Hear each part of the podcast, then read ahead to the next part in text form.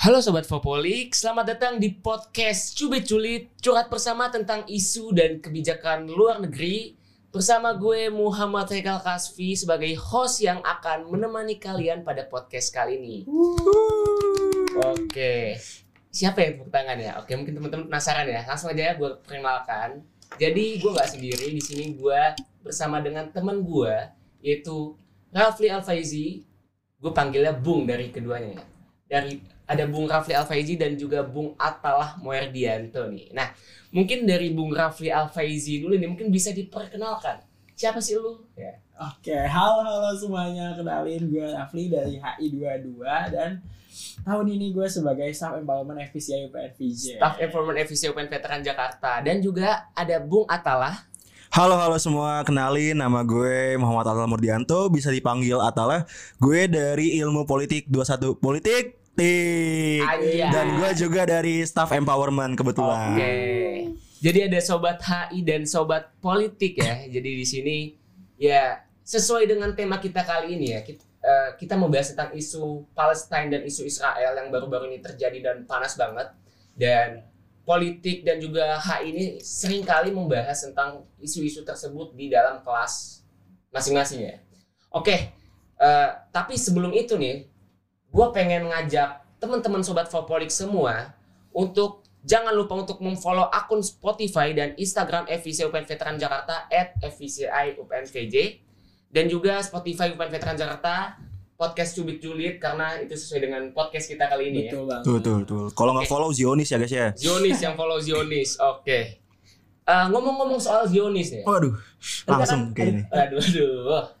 Baru-baru ini kan panas banget ya tentang isu eh, Israel dan Palestina di mana memang awalnya ini terjadi eh, infiltrasi yang dilakukan oleh Hamas yang diawali dengan penembakan ribuan roket ke beberapa kota di Israel Selatan dan Israel Utara. Dan juga Hamas ini juga berhasil gitu ya untuk memasuki wilayah Israel lewat perbatasan di Gaza gitu ya. Nah, dan juga eh, kejadian ini terjadi pada tanggal 7 Oktober ketika eh, bangsa Israel ini sedang melakukan yang namanya hari Sabat, hari raya mereka Betul, betul. yang yang di mana mereka tuh nggak fokus gitu untuk menjaga perbatasannya. Nah, mungkin kejadian itu mengawali eskalasi konflik di Timur Tengah. Tapi sebelum itu, mungkin di sini teman-teman penasaran ya, apa itu Hamas dan sejarah-sejarah tentang Hamas tersebut. Mungkin langsung aja ke Bung Rafli Al-Faizi terlebih dahulu untuk menjelaskan. Oke, thank you banget Haikal. Jadi eh, gue rasa Hamas tentang Hamas ini udah dibahas ya sama Bang Atalah di podcast sebelumnya ya nggak sih Bang? Betul betul betul. Di episode berapa tuh? 10 guys. Oh, betul. Iya. Berarti merhatiin nih. Oh, berarti gue follow. Lah. Boleh, boleh, boleh. Eh, yang mau eh, dengerin ini mungkin boleh dengerin sebelumnya biar kalian bisa eh, tahu korelasinya gitu di konflik kali Betul. ini. Betul. Hamas ini merupakan gerakan dari perlawanan organisasi Islam di Palestina, yaitu di perbatasan Gaza. Sebelum nama Hamas ini, mereka memakai nama Mujamah al-Islamiyah yang berasal dari Mesir. Nah, tadinya ini pada awal pembentukannya mereka itu disokong dana sama Israel, tapi karena intifada pertama ya atau yang disebut itu perang batu eh, yang disebabkan oleh penolakan dari pendudukan Palestina atas kedudukan Israel di wilayahnya, mereka pun eh, membuat membuat piagam jihad bersenjata gitu untuk melawan Israel pada tahun tersebut juga. Kita juga bisa lihat bahwa dari Hamas ini ternyata juga memberikan bantuan rakyatnya gitu, seperti layanan sosial kayak sekolah, rumah sakit, dan untuk rakyatnya banyak lagi, banyak banget untuk jaminan sosialnya. Nah makanya nih Hamas ini dapat kepercayaan dari masyarakatnya yang bisa membuat Hamas memenangkan pemilu di Palestina tahun 2006, melengsarkan Fatah atau PLO. Nah tapi eh, PLO ini atau Fatah itu sama sebenarnya kayak Hamas. Eh, tapi eh, Hamas ini adalah organisasi yang berhaluan kepada agama Islam. Nah, sedangkan si Fatah ini adalah organisasi yang berhaluan pada nasionalis sekuler. Di mana Fatah itu percaya kedamaian bisa diwujudkan ketika kedua negara ini merdeka dan ada jalannya masing-masing. Yang membuat Fatah mengakui kedaulatan Israel juga. Tetapi ternyata Hamas itu menentang di mana Hamas yakin bahwa Israel adalah penduduk baru yang ingin mengusir penduduk aslinya sehingga harus dihancur, dihancurkan eksistensinya. Tapi sebenarnya Hamas ini banyak banget loh menerima dukungan dari negara-negara seperti Iran dan Qatar untuk bersama-sama menghapus pengaruh dari hegemoni Amerika Serikat di di Timur Tengah ini. Tapi ternyata ada juga kok eh, dukungan-dukungan dari faksi-faksi Palestina yang eh, mendukung Fatah dan eh, mendukung Fatah dan Hamas ini. Mereka pernah bekerja sama kalau nggak salah.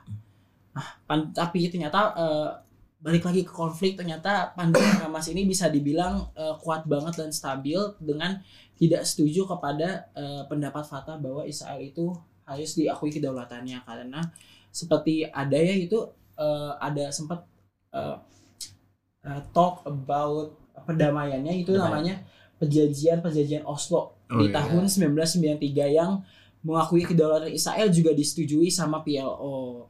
Tapi ternyata ada konflik juga nih dalam pembuatan perjanjian ini di mana Hamas ini ternyata menentang.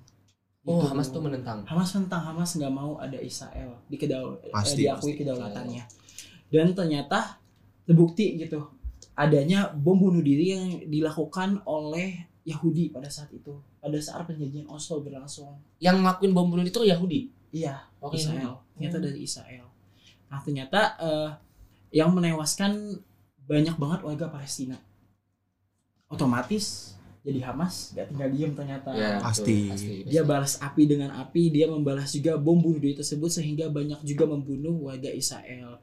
Karena kondisi keamanan regional yang mungkin udah buruk banget ya atas eh, perjanjian ini akhirnya gagal perjanjian Oslo dibuat.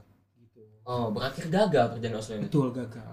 Oke, tadi kan Bung Rafli udah menjelaskan ya tentang eh, apa itu Hamas dan sejarah-sejarah Hamas. Dah, mungkin kita ada fikir kedua, yaitu teman gue juga itu Bung Atalah. Mungkin Boleh, Bung boleh. Atalah bisa menjelaskan apa itu Hamas dan sejarah-sejarahnya. Kalau tadi Bung Raffi banyak berbicara mengenai Hamas tentang eksternal, tetapi gue sekarang akan berbicara mengenai internal di Hamas. Nah, terbentuknya Hamas ini nih berlatar belakangi atas ketidakpuasan sebagai masyarakat Palestina terhadap perjuangan diplomasi organisasi-organisasi perlawanan yang telah ada seperti Palestine Liberation Organization atau PLO yang pada saat itu dipimpin Yasser Arafat atau Abu Umar gitu. Jadi yang diyakini hanya merugikan rakyat Palestina dan semakin memperkuat posisi Israel dan juga ketidaksepahamannya dengan Fatah, faksi terbesar dalam PLO. Jadi Fatah itu sebenarnya faksi terbesar di dalam PLO itu. Nah, dalam hal strategi menyudutkan kemerdekaan Palestina karena perbedaan mendasar keyakinan ideologis. Jadi ideologi Hamas sebagai titisan IM atau Ikhwanul Muslimin mencita-citakan berdirinya sebuah negara Islam atau Ad-Daulatul Al-Islamiyah. Nah, Palestina yang merdeka berdaulat memperjuangkan kebebasan dan kemerdekaan Palestina dalam kerangka pan-islamisme. Nah, yang artinya seluruh umat Islam di dunia harus terlibat dalam melawan kekuatan Zionisme. Berbeda dengan ideologi Fatah yang cenderung mewujudkan negara Palestina yang nasionalis sekuler. Jadi da- dapat kita pahami bahwa di sini Fatah serta Hamas ini memiliki ideologi yang berbeda yang menyebabkan adanya kepercah keterpecahnya da- dalam kubu internal Palestina sendiri. Nah, sebenarnya permasalahan utama yang terjadi di Palestina tidak hanya pendudukan Israel, tetapi ada juga perpecahan internal dalam tubuh Palestina sendiri yang harus secepatnya diselesaikan dengan mensinergisikan strategi dan politik, saling mengukuhkan dan bukan sebaiknya justru terkesan saling menjatuhkan. Jadi sebenarnya nih kalau kita lihat sekarang-sekarang nih mulai faksi-faksi di Palestina nih udah mulai bersatu kayak Brigade Al-Qassam sayapnya Al-Qassam, Palestina lalu ada Brigade Al-Quds yang menguasai di sebagian Al-Quds seperti itu. Nah, eh, saling eh, suatu hal yang tidak dapat dipungkiri oleh Fatah bahwa sebagian besar rakyat Palestina lebih mempercayakan kepemimpinan terhadap Hamas. Jadi udah banyak warga Palestina nih yang udah mulai ter- percaya terhadap Hamas. Tetapi di satu sisi Hamas juga perlu merumuskan ulang terkait garis perjuangannya. Berdirinya negara Israel dan capaian perdamaian parsial antara Palestina dan Israel merupakan fakta yang seharusnya dipertimbangkan. Pada situasi ini, klausul penghapusan Israel sebagaimana tersebut dalam piagam Palestina dan lebih luas sikap terhadap Israel dan dunia barat perlu segera direnungkan kembali. Mungkin seperti itu Bung Haikal kalau misalkan dari gue. Pandangan Oke. umum terhadap Hamas nih ya. Oke oke nih, menarik ya tadi penjelasan dari keduanya ya, dari Bung Rafli dan juga Bung Talah gitu, Bung Tal.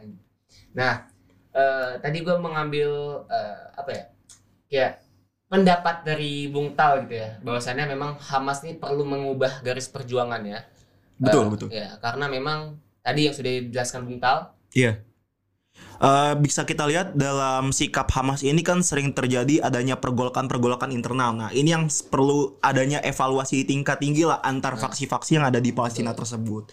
Mungkin seperti itu. Nah, dan juga tadi juga Bung Tal eh, menjelaskan bahwasannya Hamas itu berawal dari IM Ikhwanul Muslimin betul. yang didirikan oleh Hasan Albani. Hasan Albana. Hal Hasan Albana pada tahun 1928 ya, kalau dari Mesir kalau nggak salah itu. ya. Iya dari Mesir betul. Itu yang kalau misalkan kita baca Al-Masurat pagi sore nah Hasan Albana tuh yang nulis. Hasan Albana. Nah, ya. itu dia. Nah, ada beberapa tokoh dari pendiri Hamas juga yang Syekh Ahmad Yasin. Wah, itu Syekh dia. Yasin. Itu kalau misalkan uh, kita ulik ke belakang ada cerita menarik mengenai Syekh Ahmad ya, Ahmad Yasin loh. Ya. Jadi uh, meninggalnya beli almarhum ini ketika beliau ini sedang di- beliau kan memakai kursi roda ya Ya, ya. karena kakinya lumpuh atau gimana gitu gue lupa.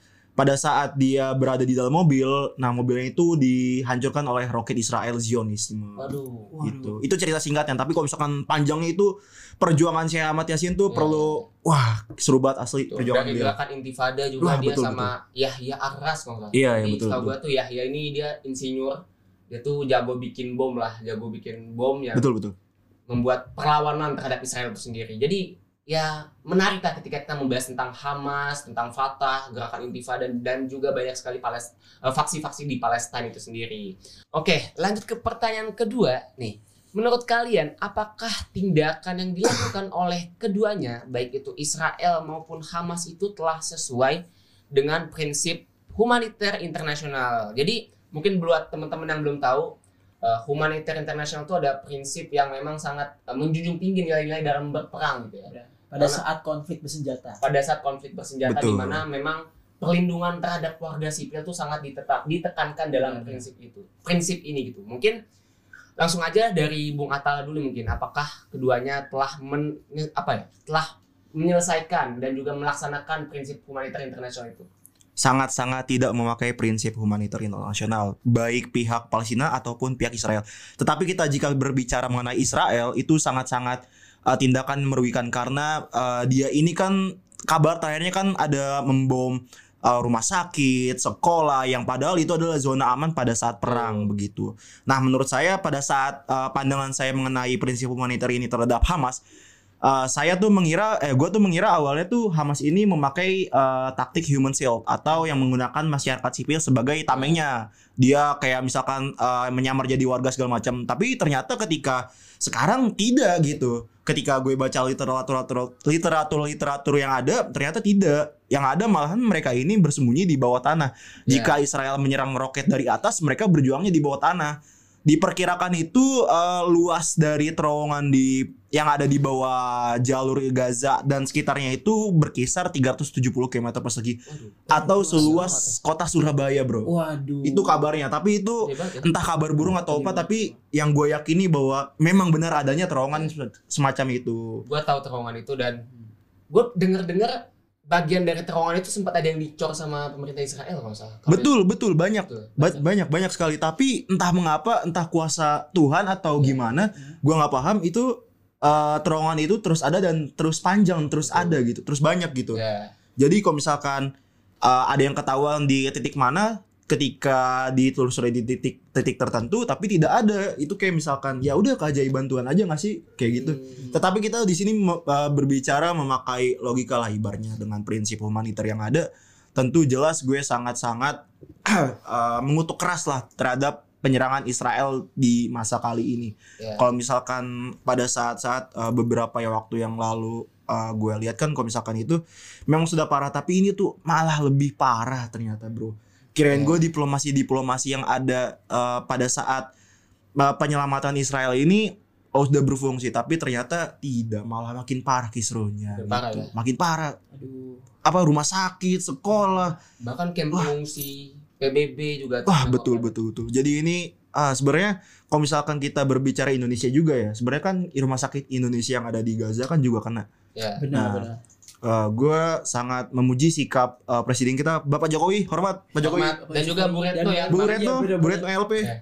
sangat salut gue terhadap uh, sinergi terhadap uh, kemerdekaan Palestina walaupun belum sepenuhnya kita menjunjung tinggi karena uh, pada dasarnya kan emang uh, untuk uh, memperjuangkan kemerdekaan Palestina ini adalah salah satu wujud uh, Pancasilais kita gitu. Ya. ya.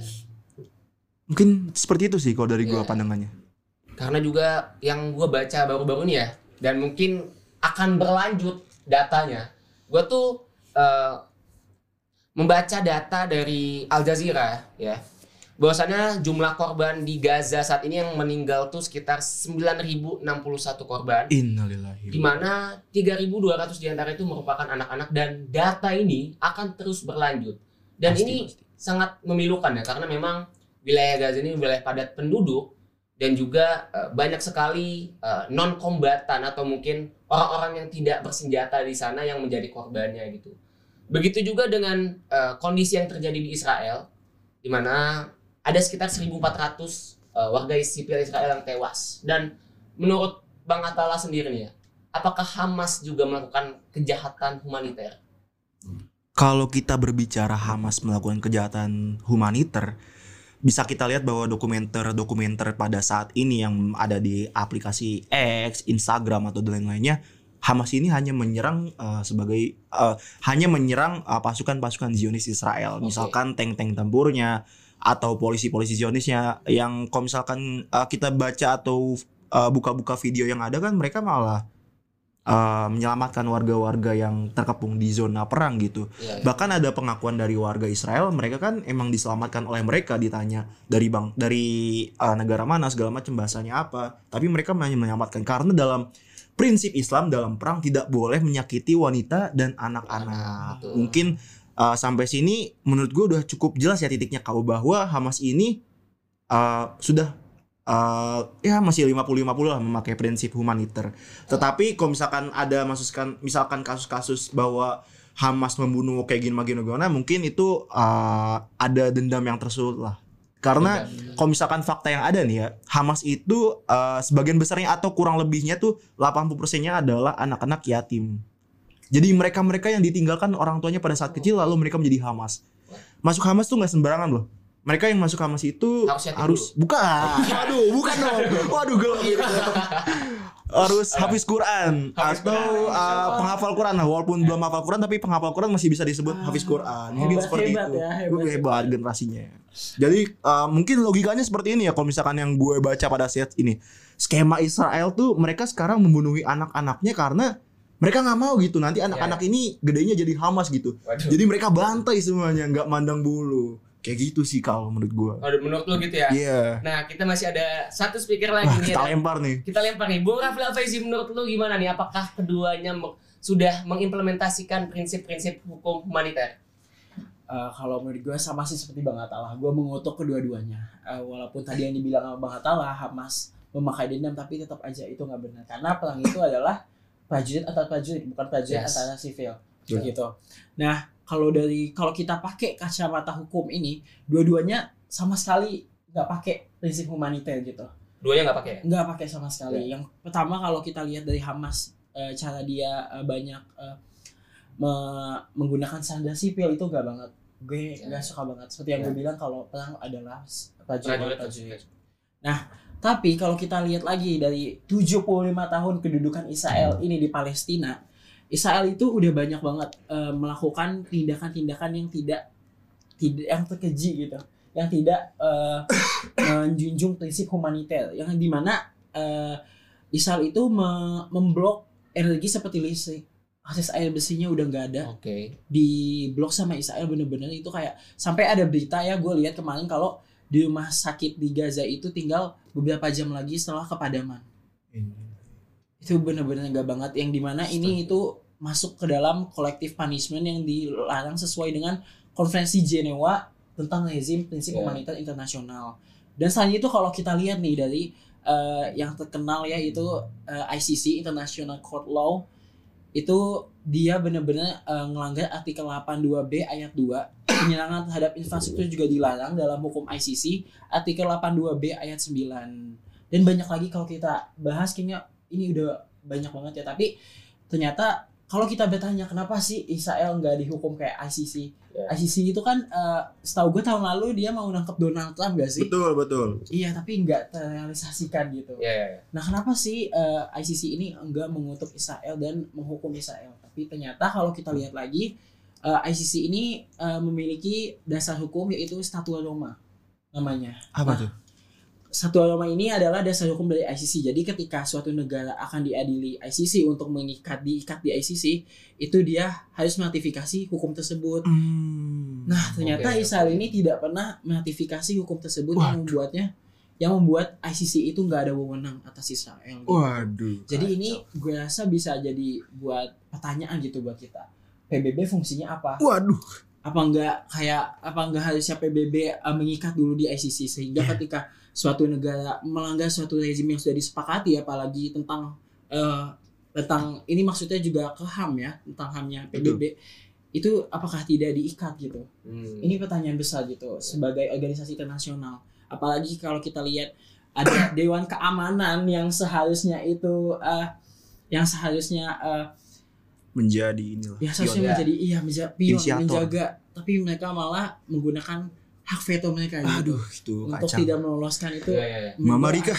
Tolong dipertanyakan mata eh, mata internasional tolong dituju kepada Mana mbak mata hati kalian mana hei? Hey, free PBB. Palestine, bro. PBB mana PBB? Eh, kalau misalkan kemarin tuh ada berita terbaru loh, bahwa Apa? Dewan HAM PBB mengundurkan diri.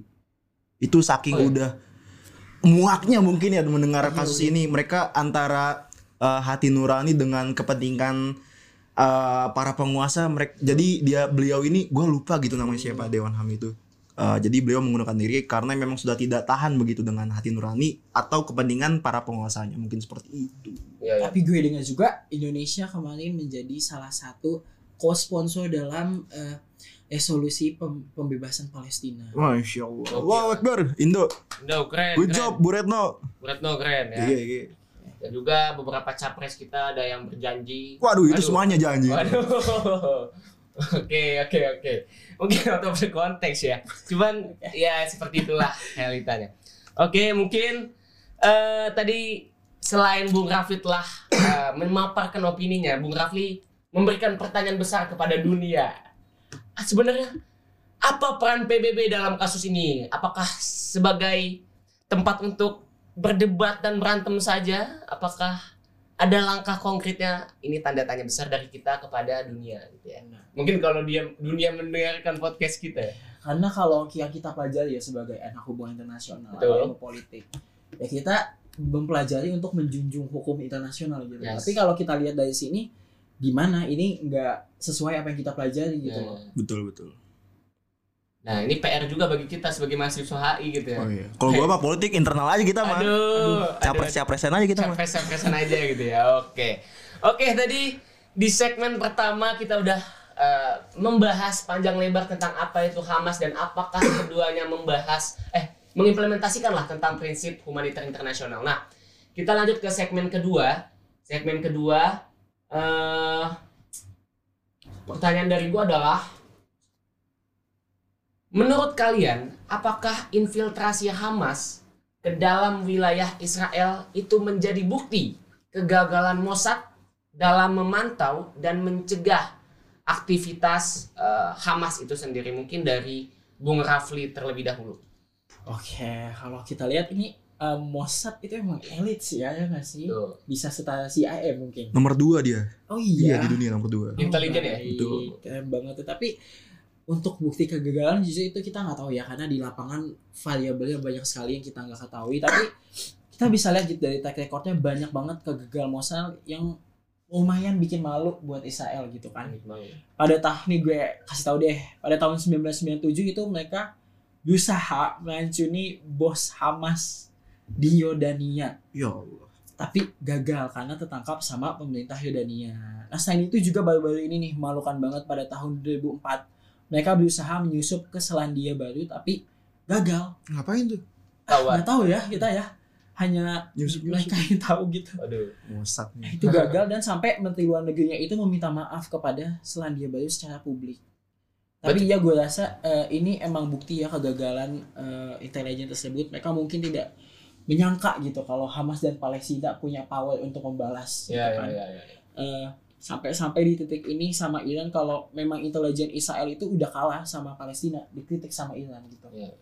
Dan juga dari pengamat-pengamat analis keamanan internasional itu banyak banget di Twitter itu mengakui gitu kalau eh, bahwa ini itu adalah kegagalan intelijen terbesar dari Israel. Betul betul Mossad. Sampai sampai perdana menterinya tuh si siapa yang terkenal? Kalian tahu gak sih? Benjamin. Betul, Benjamin Netanyahu itu dijadiin kambing hitam sama parlemennya atas kegagalan serangan dari Palestina tersebut. Berarti memang ini bukti kegagalan Mossad gitu ya. Karena gue jujur juga kaget cuy.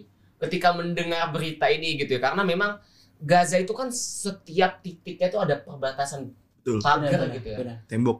Ada tembok gitu ya. Dan Mossad itu salah satu intelijen terbaik di dunia dan mengapa why gitu? Why bisa lolos ya apa Hamas ini ke dalam wilayah Israel? Karena eh, setahu gua dari rekam jejak ya, eh, Ham, eh, Mossad itu pernah menjadi eh, mata-mata di Suriah ketika perang enam hari kalau salah. Iya, perang benar. Yom Kippur kalau Yom Kippur. salah. Ada, gue lupa nama intelijennya siapa. Dia tuh jadi menteri boy, Iya. jadi menteri di Suriah, bahkan hampir jadi presiden. Wah, Kacau tuh emang. Ternyata intelijen gitu, ketangkep dan akhirnya dihukum gantung. Dan itu kan sebuah hal yang gokil gitu ya.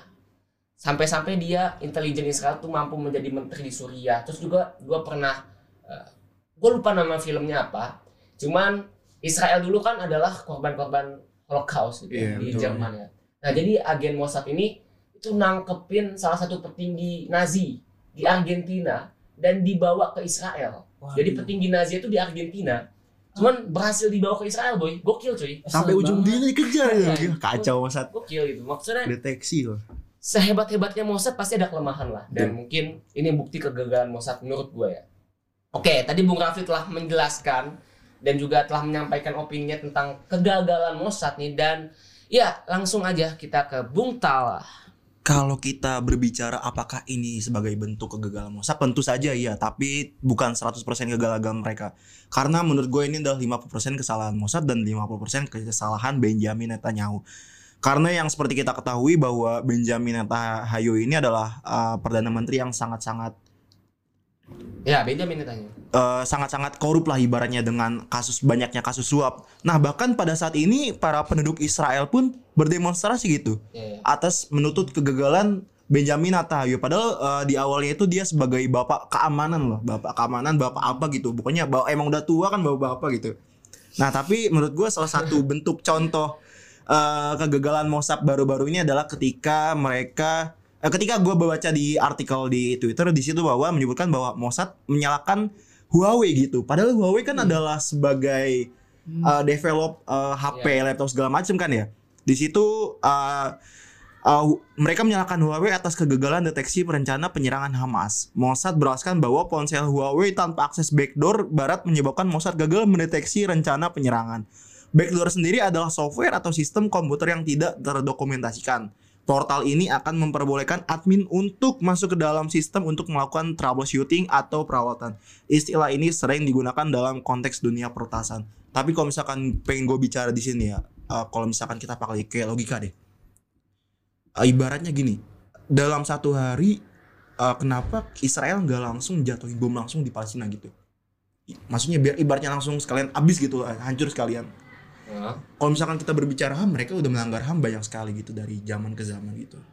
Bahwa di sini ada bu, eh, di sini ada eh, celah-celah yang bisa dimasuki oleh atau disusupi oleh Hamas bahwa tidak bisa terjadinya eh, perang secepat kilat yang dilakukan oleh pihak-pihak Israel. Jadi menurut gue ini adalah salah satu bentuk eh, keajaiban Tuhan juga lah ibaratnya Eh, bahwa kaum yang tertindas akan segera eh, dikembalikan ke tempat yang benar-benar tempatnya gitu. Karma Israel ya. Betul, free Palestine bro. Waduh, oke oke oke.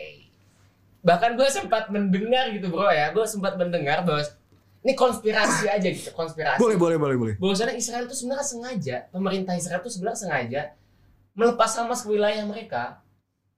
Ya, ada yang bilang bahwasannya untuk semakin menggertak Gaza, ya, karena kalau misalnya sebagai alasan lah mereka untuk menumpas Hamas gitu ya.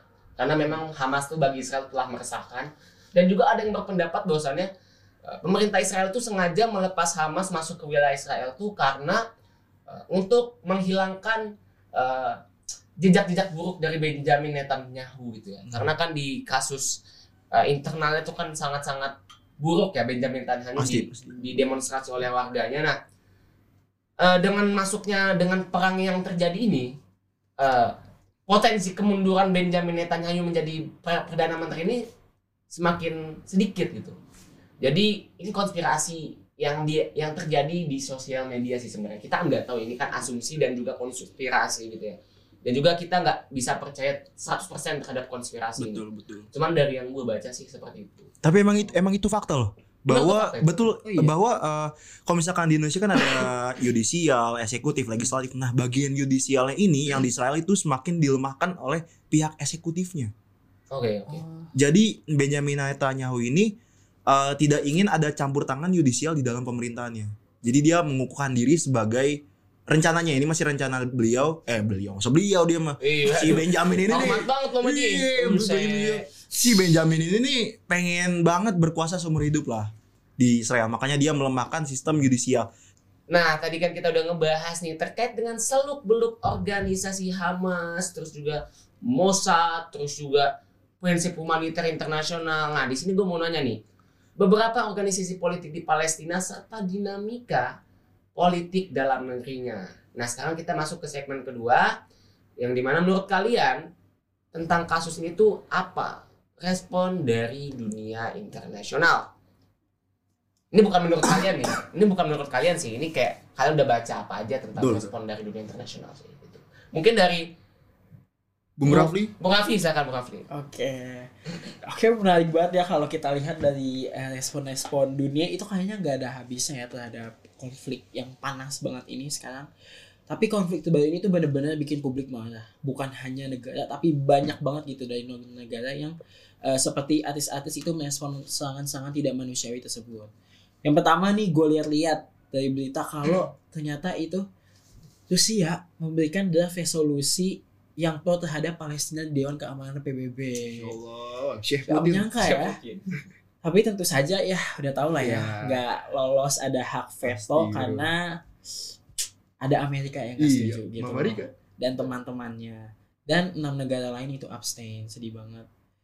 Nah, sangat menarik dan bikin kaget gak sih kalau kita lihat dari Rusia yang bikin draft resolusi padahal baru tahun lalu kita ada berita invasi dia kan Waduh, iya. Oh, iya, keren. itu bener-bener eh, nggak terduga.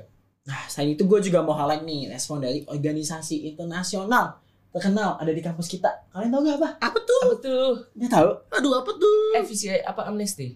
Bukan. Apa tuh? Ada, ada di kampus Baby kita. ship, baby ship. Bukan. Oke, itu Apa tuh? ada. Oke, itu ada dari Isaac. Oh, Oh, Isaac. Iya, dia membuat peta- pernyataan terhadap konflik ini bahwa dia itu sayangnya netral statusnya. Hmm. Padahal kalau kita lihat itu sebelumnya Isaac ini memberikan pernyataan kepada dari konflik eh, invasi Rusia ke Ukraina di mana dia stands with Ukraine gitu. Waduh. Ketika konflik ini mereka netral. Waduh, abstain dia ya. Iya, tapi ternyata Isaac nih, iya Isaac. tolong. Waduh. Aduh, jangan jangan. tapi tapi Gue tahu. Tapi- Ya, benar tapi ternyata dari Isaac Indonesia itu gue sudah melihat baru postingannya semalam mereka sudah stands with Palestine. Wah, Mantap. ada intervensi-intervensi Ya. kita masih di dalam internal. Benar. ya. FCI bukan veteran jalan stand with Palestine. Wah, pasti. Palestine banget. Iya benar. Pasti banget. Udah pada repost kan? Udah pasti Udah dong. dong. Muka kita hamas banget nih. Tapi ini ada ada yang gak kalah keren nih. Ah, mantap deh pokoknya nih yang satu ini nih. Ada dari presiden dunia kita, Waduh, siapa Joe tuh? Biden. Waduh. Joe Biden ini menyatakan dukungan emosionalnya melalui Twitternya nih, Twitter pribadinya. Dia bener-bener ah, pokoknya menyatakan yang emosional sampai kolom komennya itu bener-bener ribut semua. Ribut semua ya? Iya, Berarti nggak keren dong, kan ribut. iya pokoknya ya, karena dia karena dia berani gitu. Oh iya iya sih. memberikan opininya yang itu loh. Nah tapi ternyata ah, nggak kalah keren juga karena Joe Biden ini melakukan kunjungan langsung ke Tel Aviv pada tanggal 18 Oktober 2023. Waduh. Nah secara langsung ini benar-benar memberikan statement dong bahwa US ini berada di garis keras sebagai pendukungnya Israel. Fanatik. Ada juga nih respon dari negara tercinta kita Siapa tuh? Indonesia Waduh.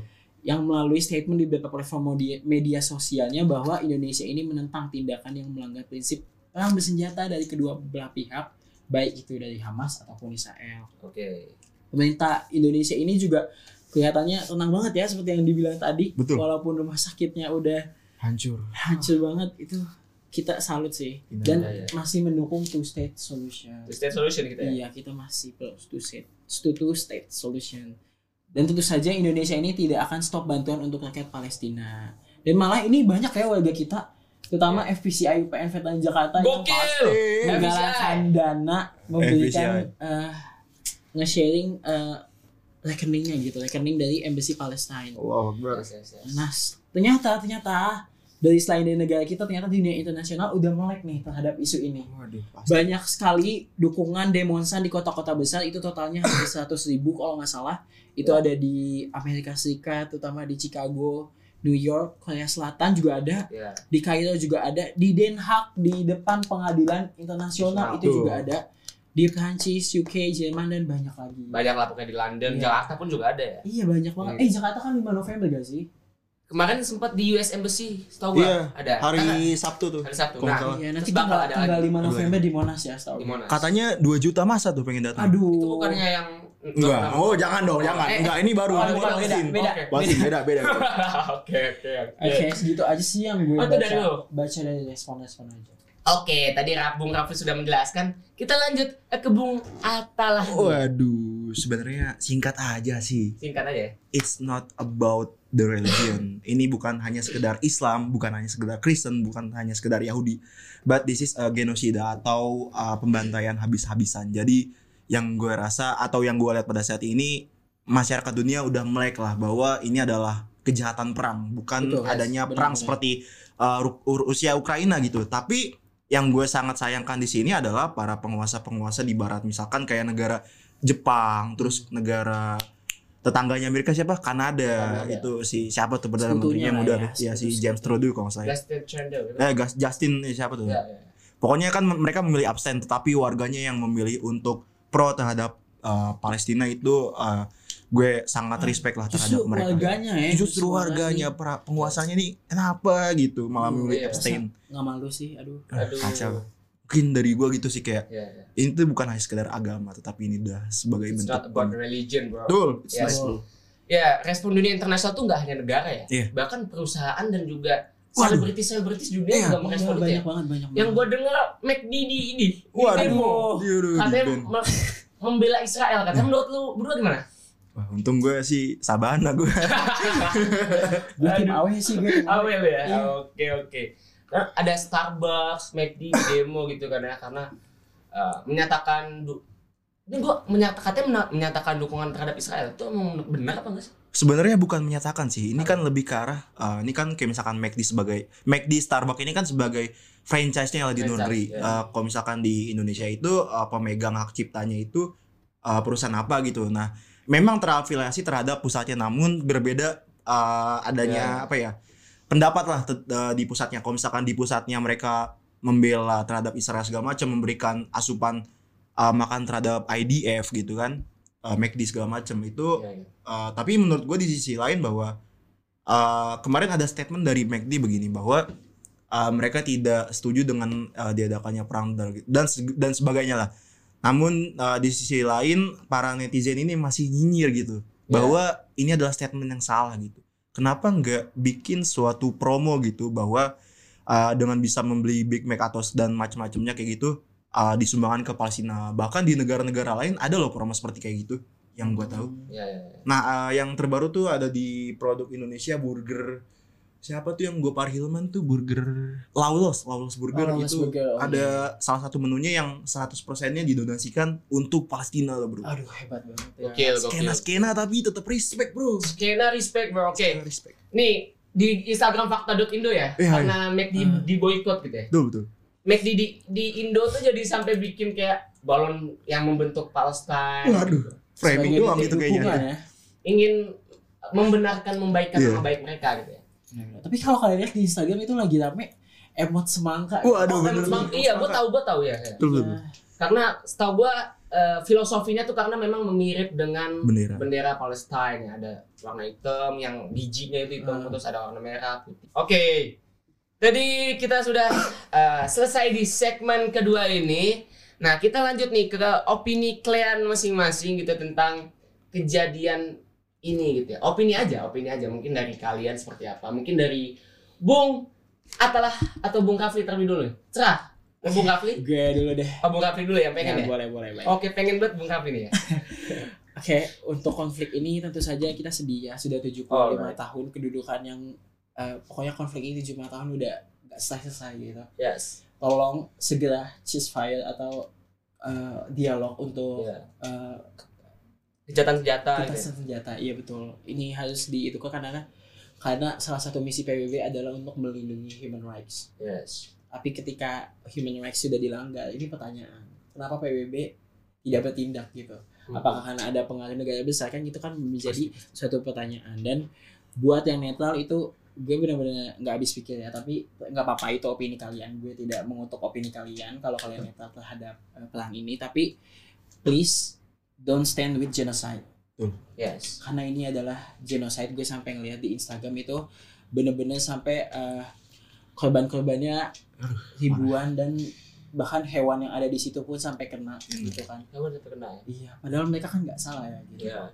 jadi ya itu eh, we stand with Palestine We stand with Palestine sesuai dengan FVC Open Veteran Jakarta Stand with Palestine. Dan lanjut ya mungkin ke Bung Tal selanjutnya. Mungkin yang perlu ditekankan sekali lagi adalah statement bahwa this is not about religion. This is tuh genocide bro. Yoks. Jadi kita harus sama-sama memperjuangkan kemerdekaan Palestina. Walaupun sekecil hanya memposting-posting repostan mengenai Palestina tapi kan itu bisa membuat para follower-follower yang kita melihat bahwa oh orang ini uh, stand with Palestine bahwa mereka kan akan ikut-ikutan juga gitu. Walaupun hanya sekecil itu tapi itu uh, menurut gua sudah cukup hati ya. Iya udah cukup lah sebagai memperjuangkan kemerdekaan Oke. bagi Palestina.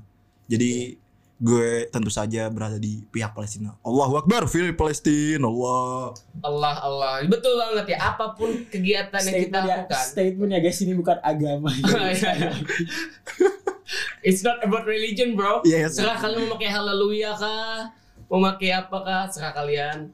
It's not about religion. Siapa pun yang bersimpati dengan Palestine Kalian memiliki hak untuk mendukung mereka. Dan kita sebagai orang Islam Juga kita tentu paham bahwasanya ini Kewajiban kita juga ya Untuk membela sesama Islam. Bahkan dianjurkan sekarang disuruh kunut nazilah pada Kunut saat nazilah? iya Ya. jadi itu mendoakan misalnya Allahumma ansur ikhwanal muslimin al mujahidin fi Palestin Amin. Amin. gitu Fi Rohingya. Waduh itu udah. Fi Syria. Kan gitu kan Iya. Pas sholat Jumat tau gue. Iya, siap, siap, siap. tapi kalau eh, bukan hanya negara eh, bukan hanya eh, tentang agama ya tapi kalau kita lihat dari negara itu kan salah satunya di pembukaan UUD Ya. Menghapuskan penjajahan. Ah. dan ini itu adalah salah satu bentuk imperialisme yang kita pernah rasakan gitu Yes, masa yes. kalian ah mau sih ngelihat gitu terus kan Wah, tolong iya sih. empatinya Oke, tadi kita sudah eh, mendengarkan opini dari kedua narasumber kita yang kece abis ini ada Bung Atalah Murdianto dan juga ada Bung Rafli Alfaizi. Gokil ya, seru banget ya podcast kali ini. Seru banget, seru asik, banget. Nggak berasa bro, ya nggak berasa kita udah di penghujung podcast ya. ya lagi lah Ya kita kan ada sholat Jumat ya. iya iya aduh Oke, eh, karena kita sudah berada di penghujung podcast kali ini, gue Haikal Muhammad Haikal Kasfi sebagai host yang eh, memandu kegiatan kita pada kali ini. Gue berterima kasih banyak kepada kedua temen gue yang kece ini, Bung Rafli dan Bung Natala. sama-sama terima kasih juga Haikal Terima kasih, Bung Haikal. kita. Oke, oke, oke, oke. Dan juga tentunya gue pengen reminder nih ya kepada para pendengar podcast Cubit Julid yang sudah mendengarkan sampai hari ini. Semoga episode kali ini menambah pengetahuan kalian, terus menambah kepedulian, dan juga memperluas wawasan kalian tentang isu-isu regional, isu-isu Hmm. humaniter, dan juga lain sebagainya. Dan juga gue sebagai host yang bertugas pada podcast kali ini, gue mohon maaf banget kalau misalnya ada kesalahan kata dari gue dan juga mungkin narasumber speaker kita nih ya. iya iya Ada permohonan maaf gak? enggak ada Takutnya lu salah ngomong. enggak maaf ya kalau kita salah ngomong teman-teman ini hanya ampun sepuh Ampun pu, sepuh. Nah, gue pengen reminder untuk jangan lupa memfollow Instagram dan Spotify FVCI UPN Veteran Jakarta. apa tuh Instagramnya Mas? Instagramnya at FVCI UPNVJ dan Spotify-nya Cubit Julid Podcast untuk dapat update berita dan informasi dari FVCI UPN Veteran Jakarta yang keren abis ini bro. wow wow wow wow wow, wow. Oke, oke. Tanpa banyak basa-basi langsung aja. Jangan lupa untuk menyaksikan Cukup Julid Podcast di episode selanjutnya. Saya sebagai host Muhammad Ekal Kasfi. Saya tamu Rafael Faizi Hakim. Saya Atalah Pro Palestine. Stein. Oke. Mengucapkan terima kasih banyak dan sampai jumpa di episode selanjutnya. Bye bye. Bye-bye. See you, see you, see you. Dadah. Oh, Akbar.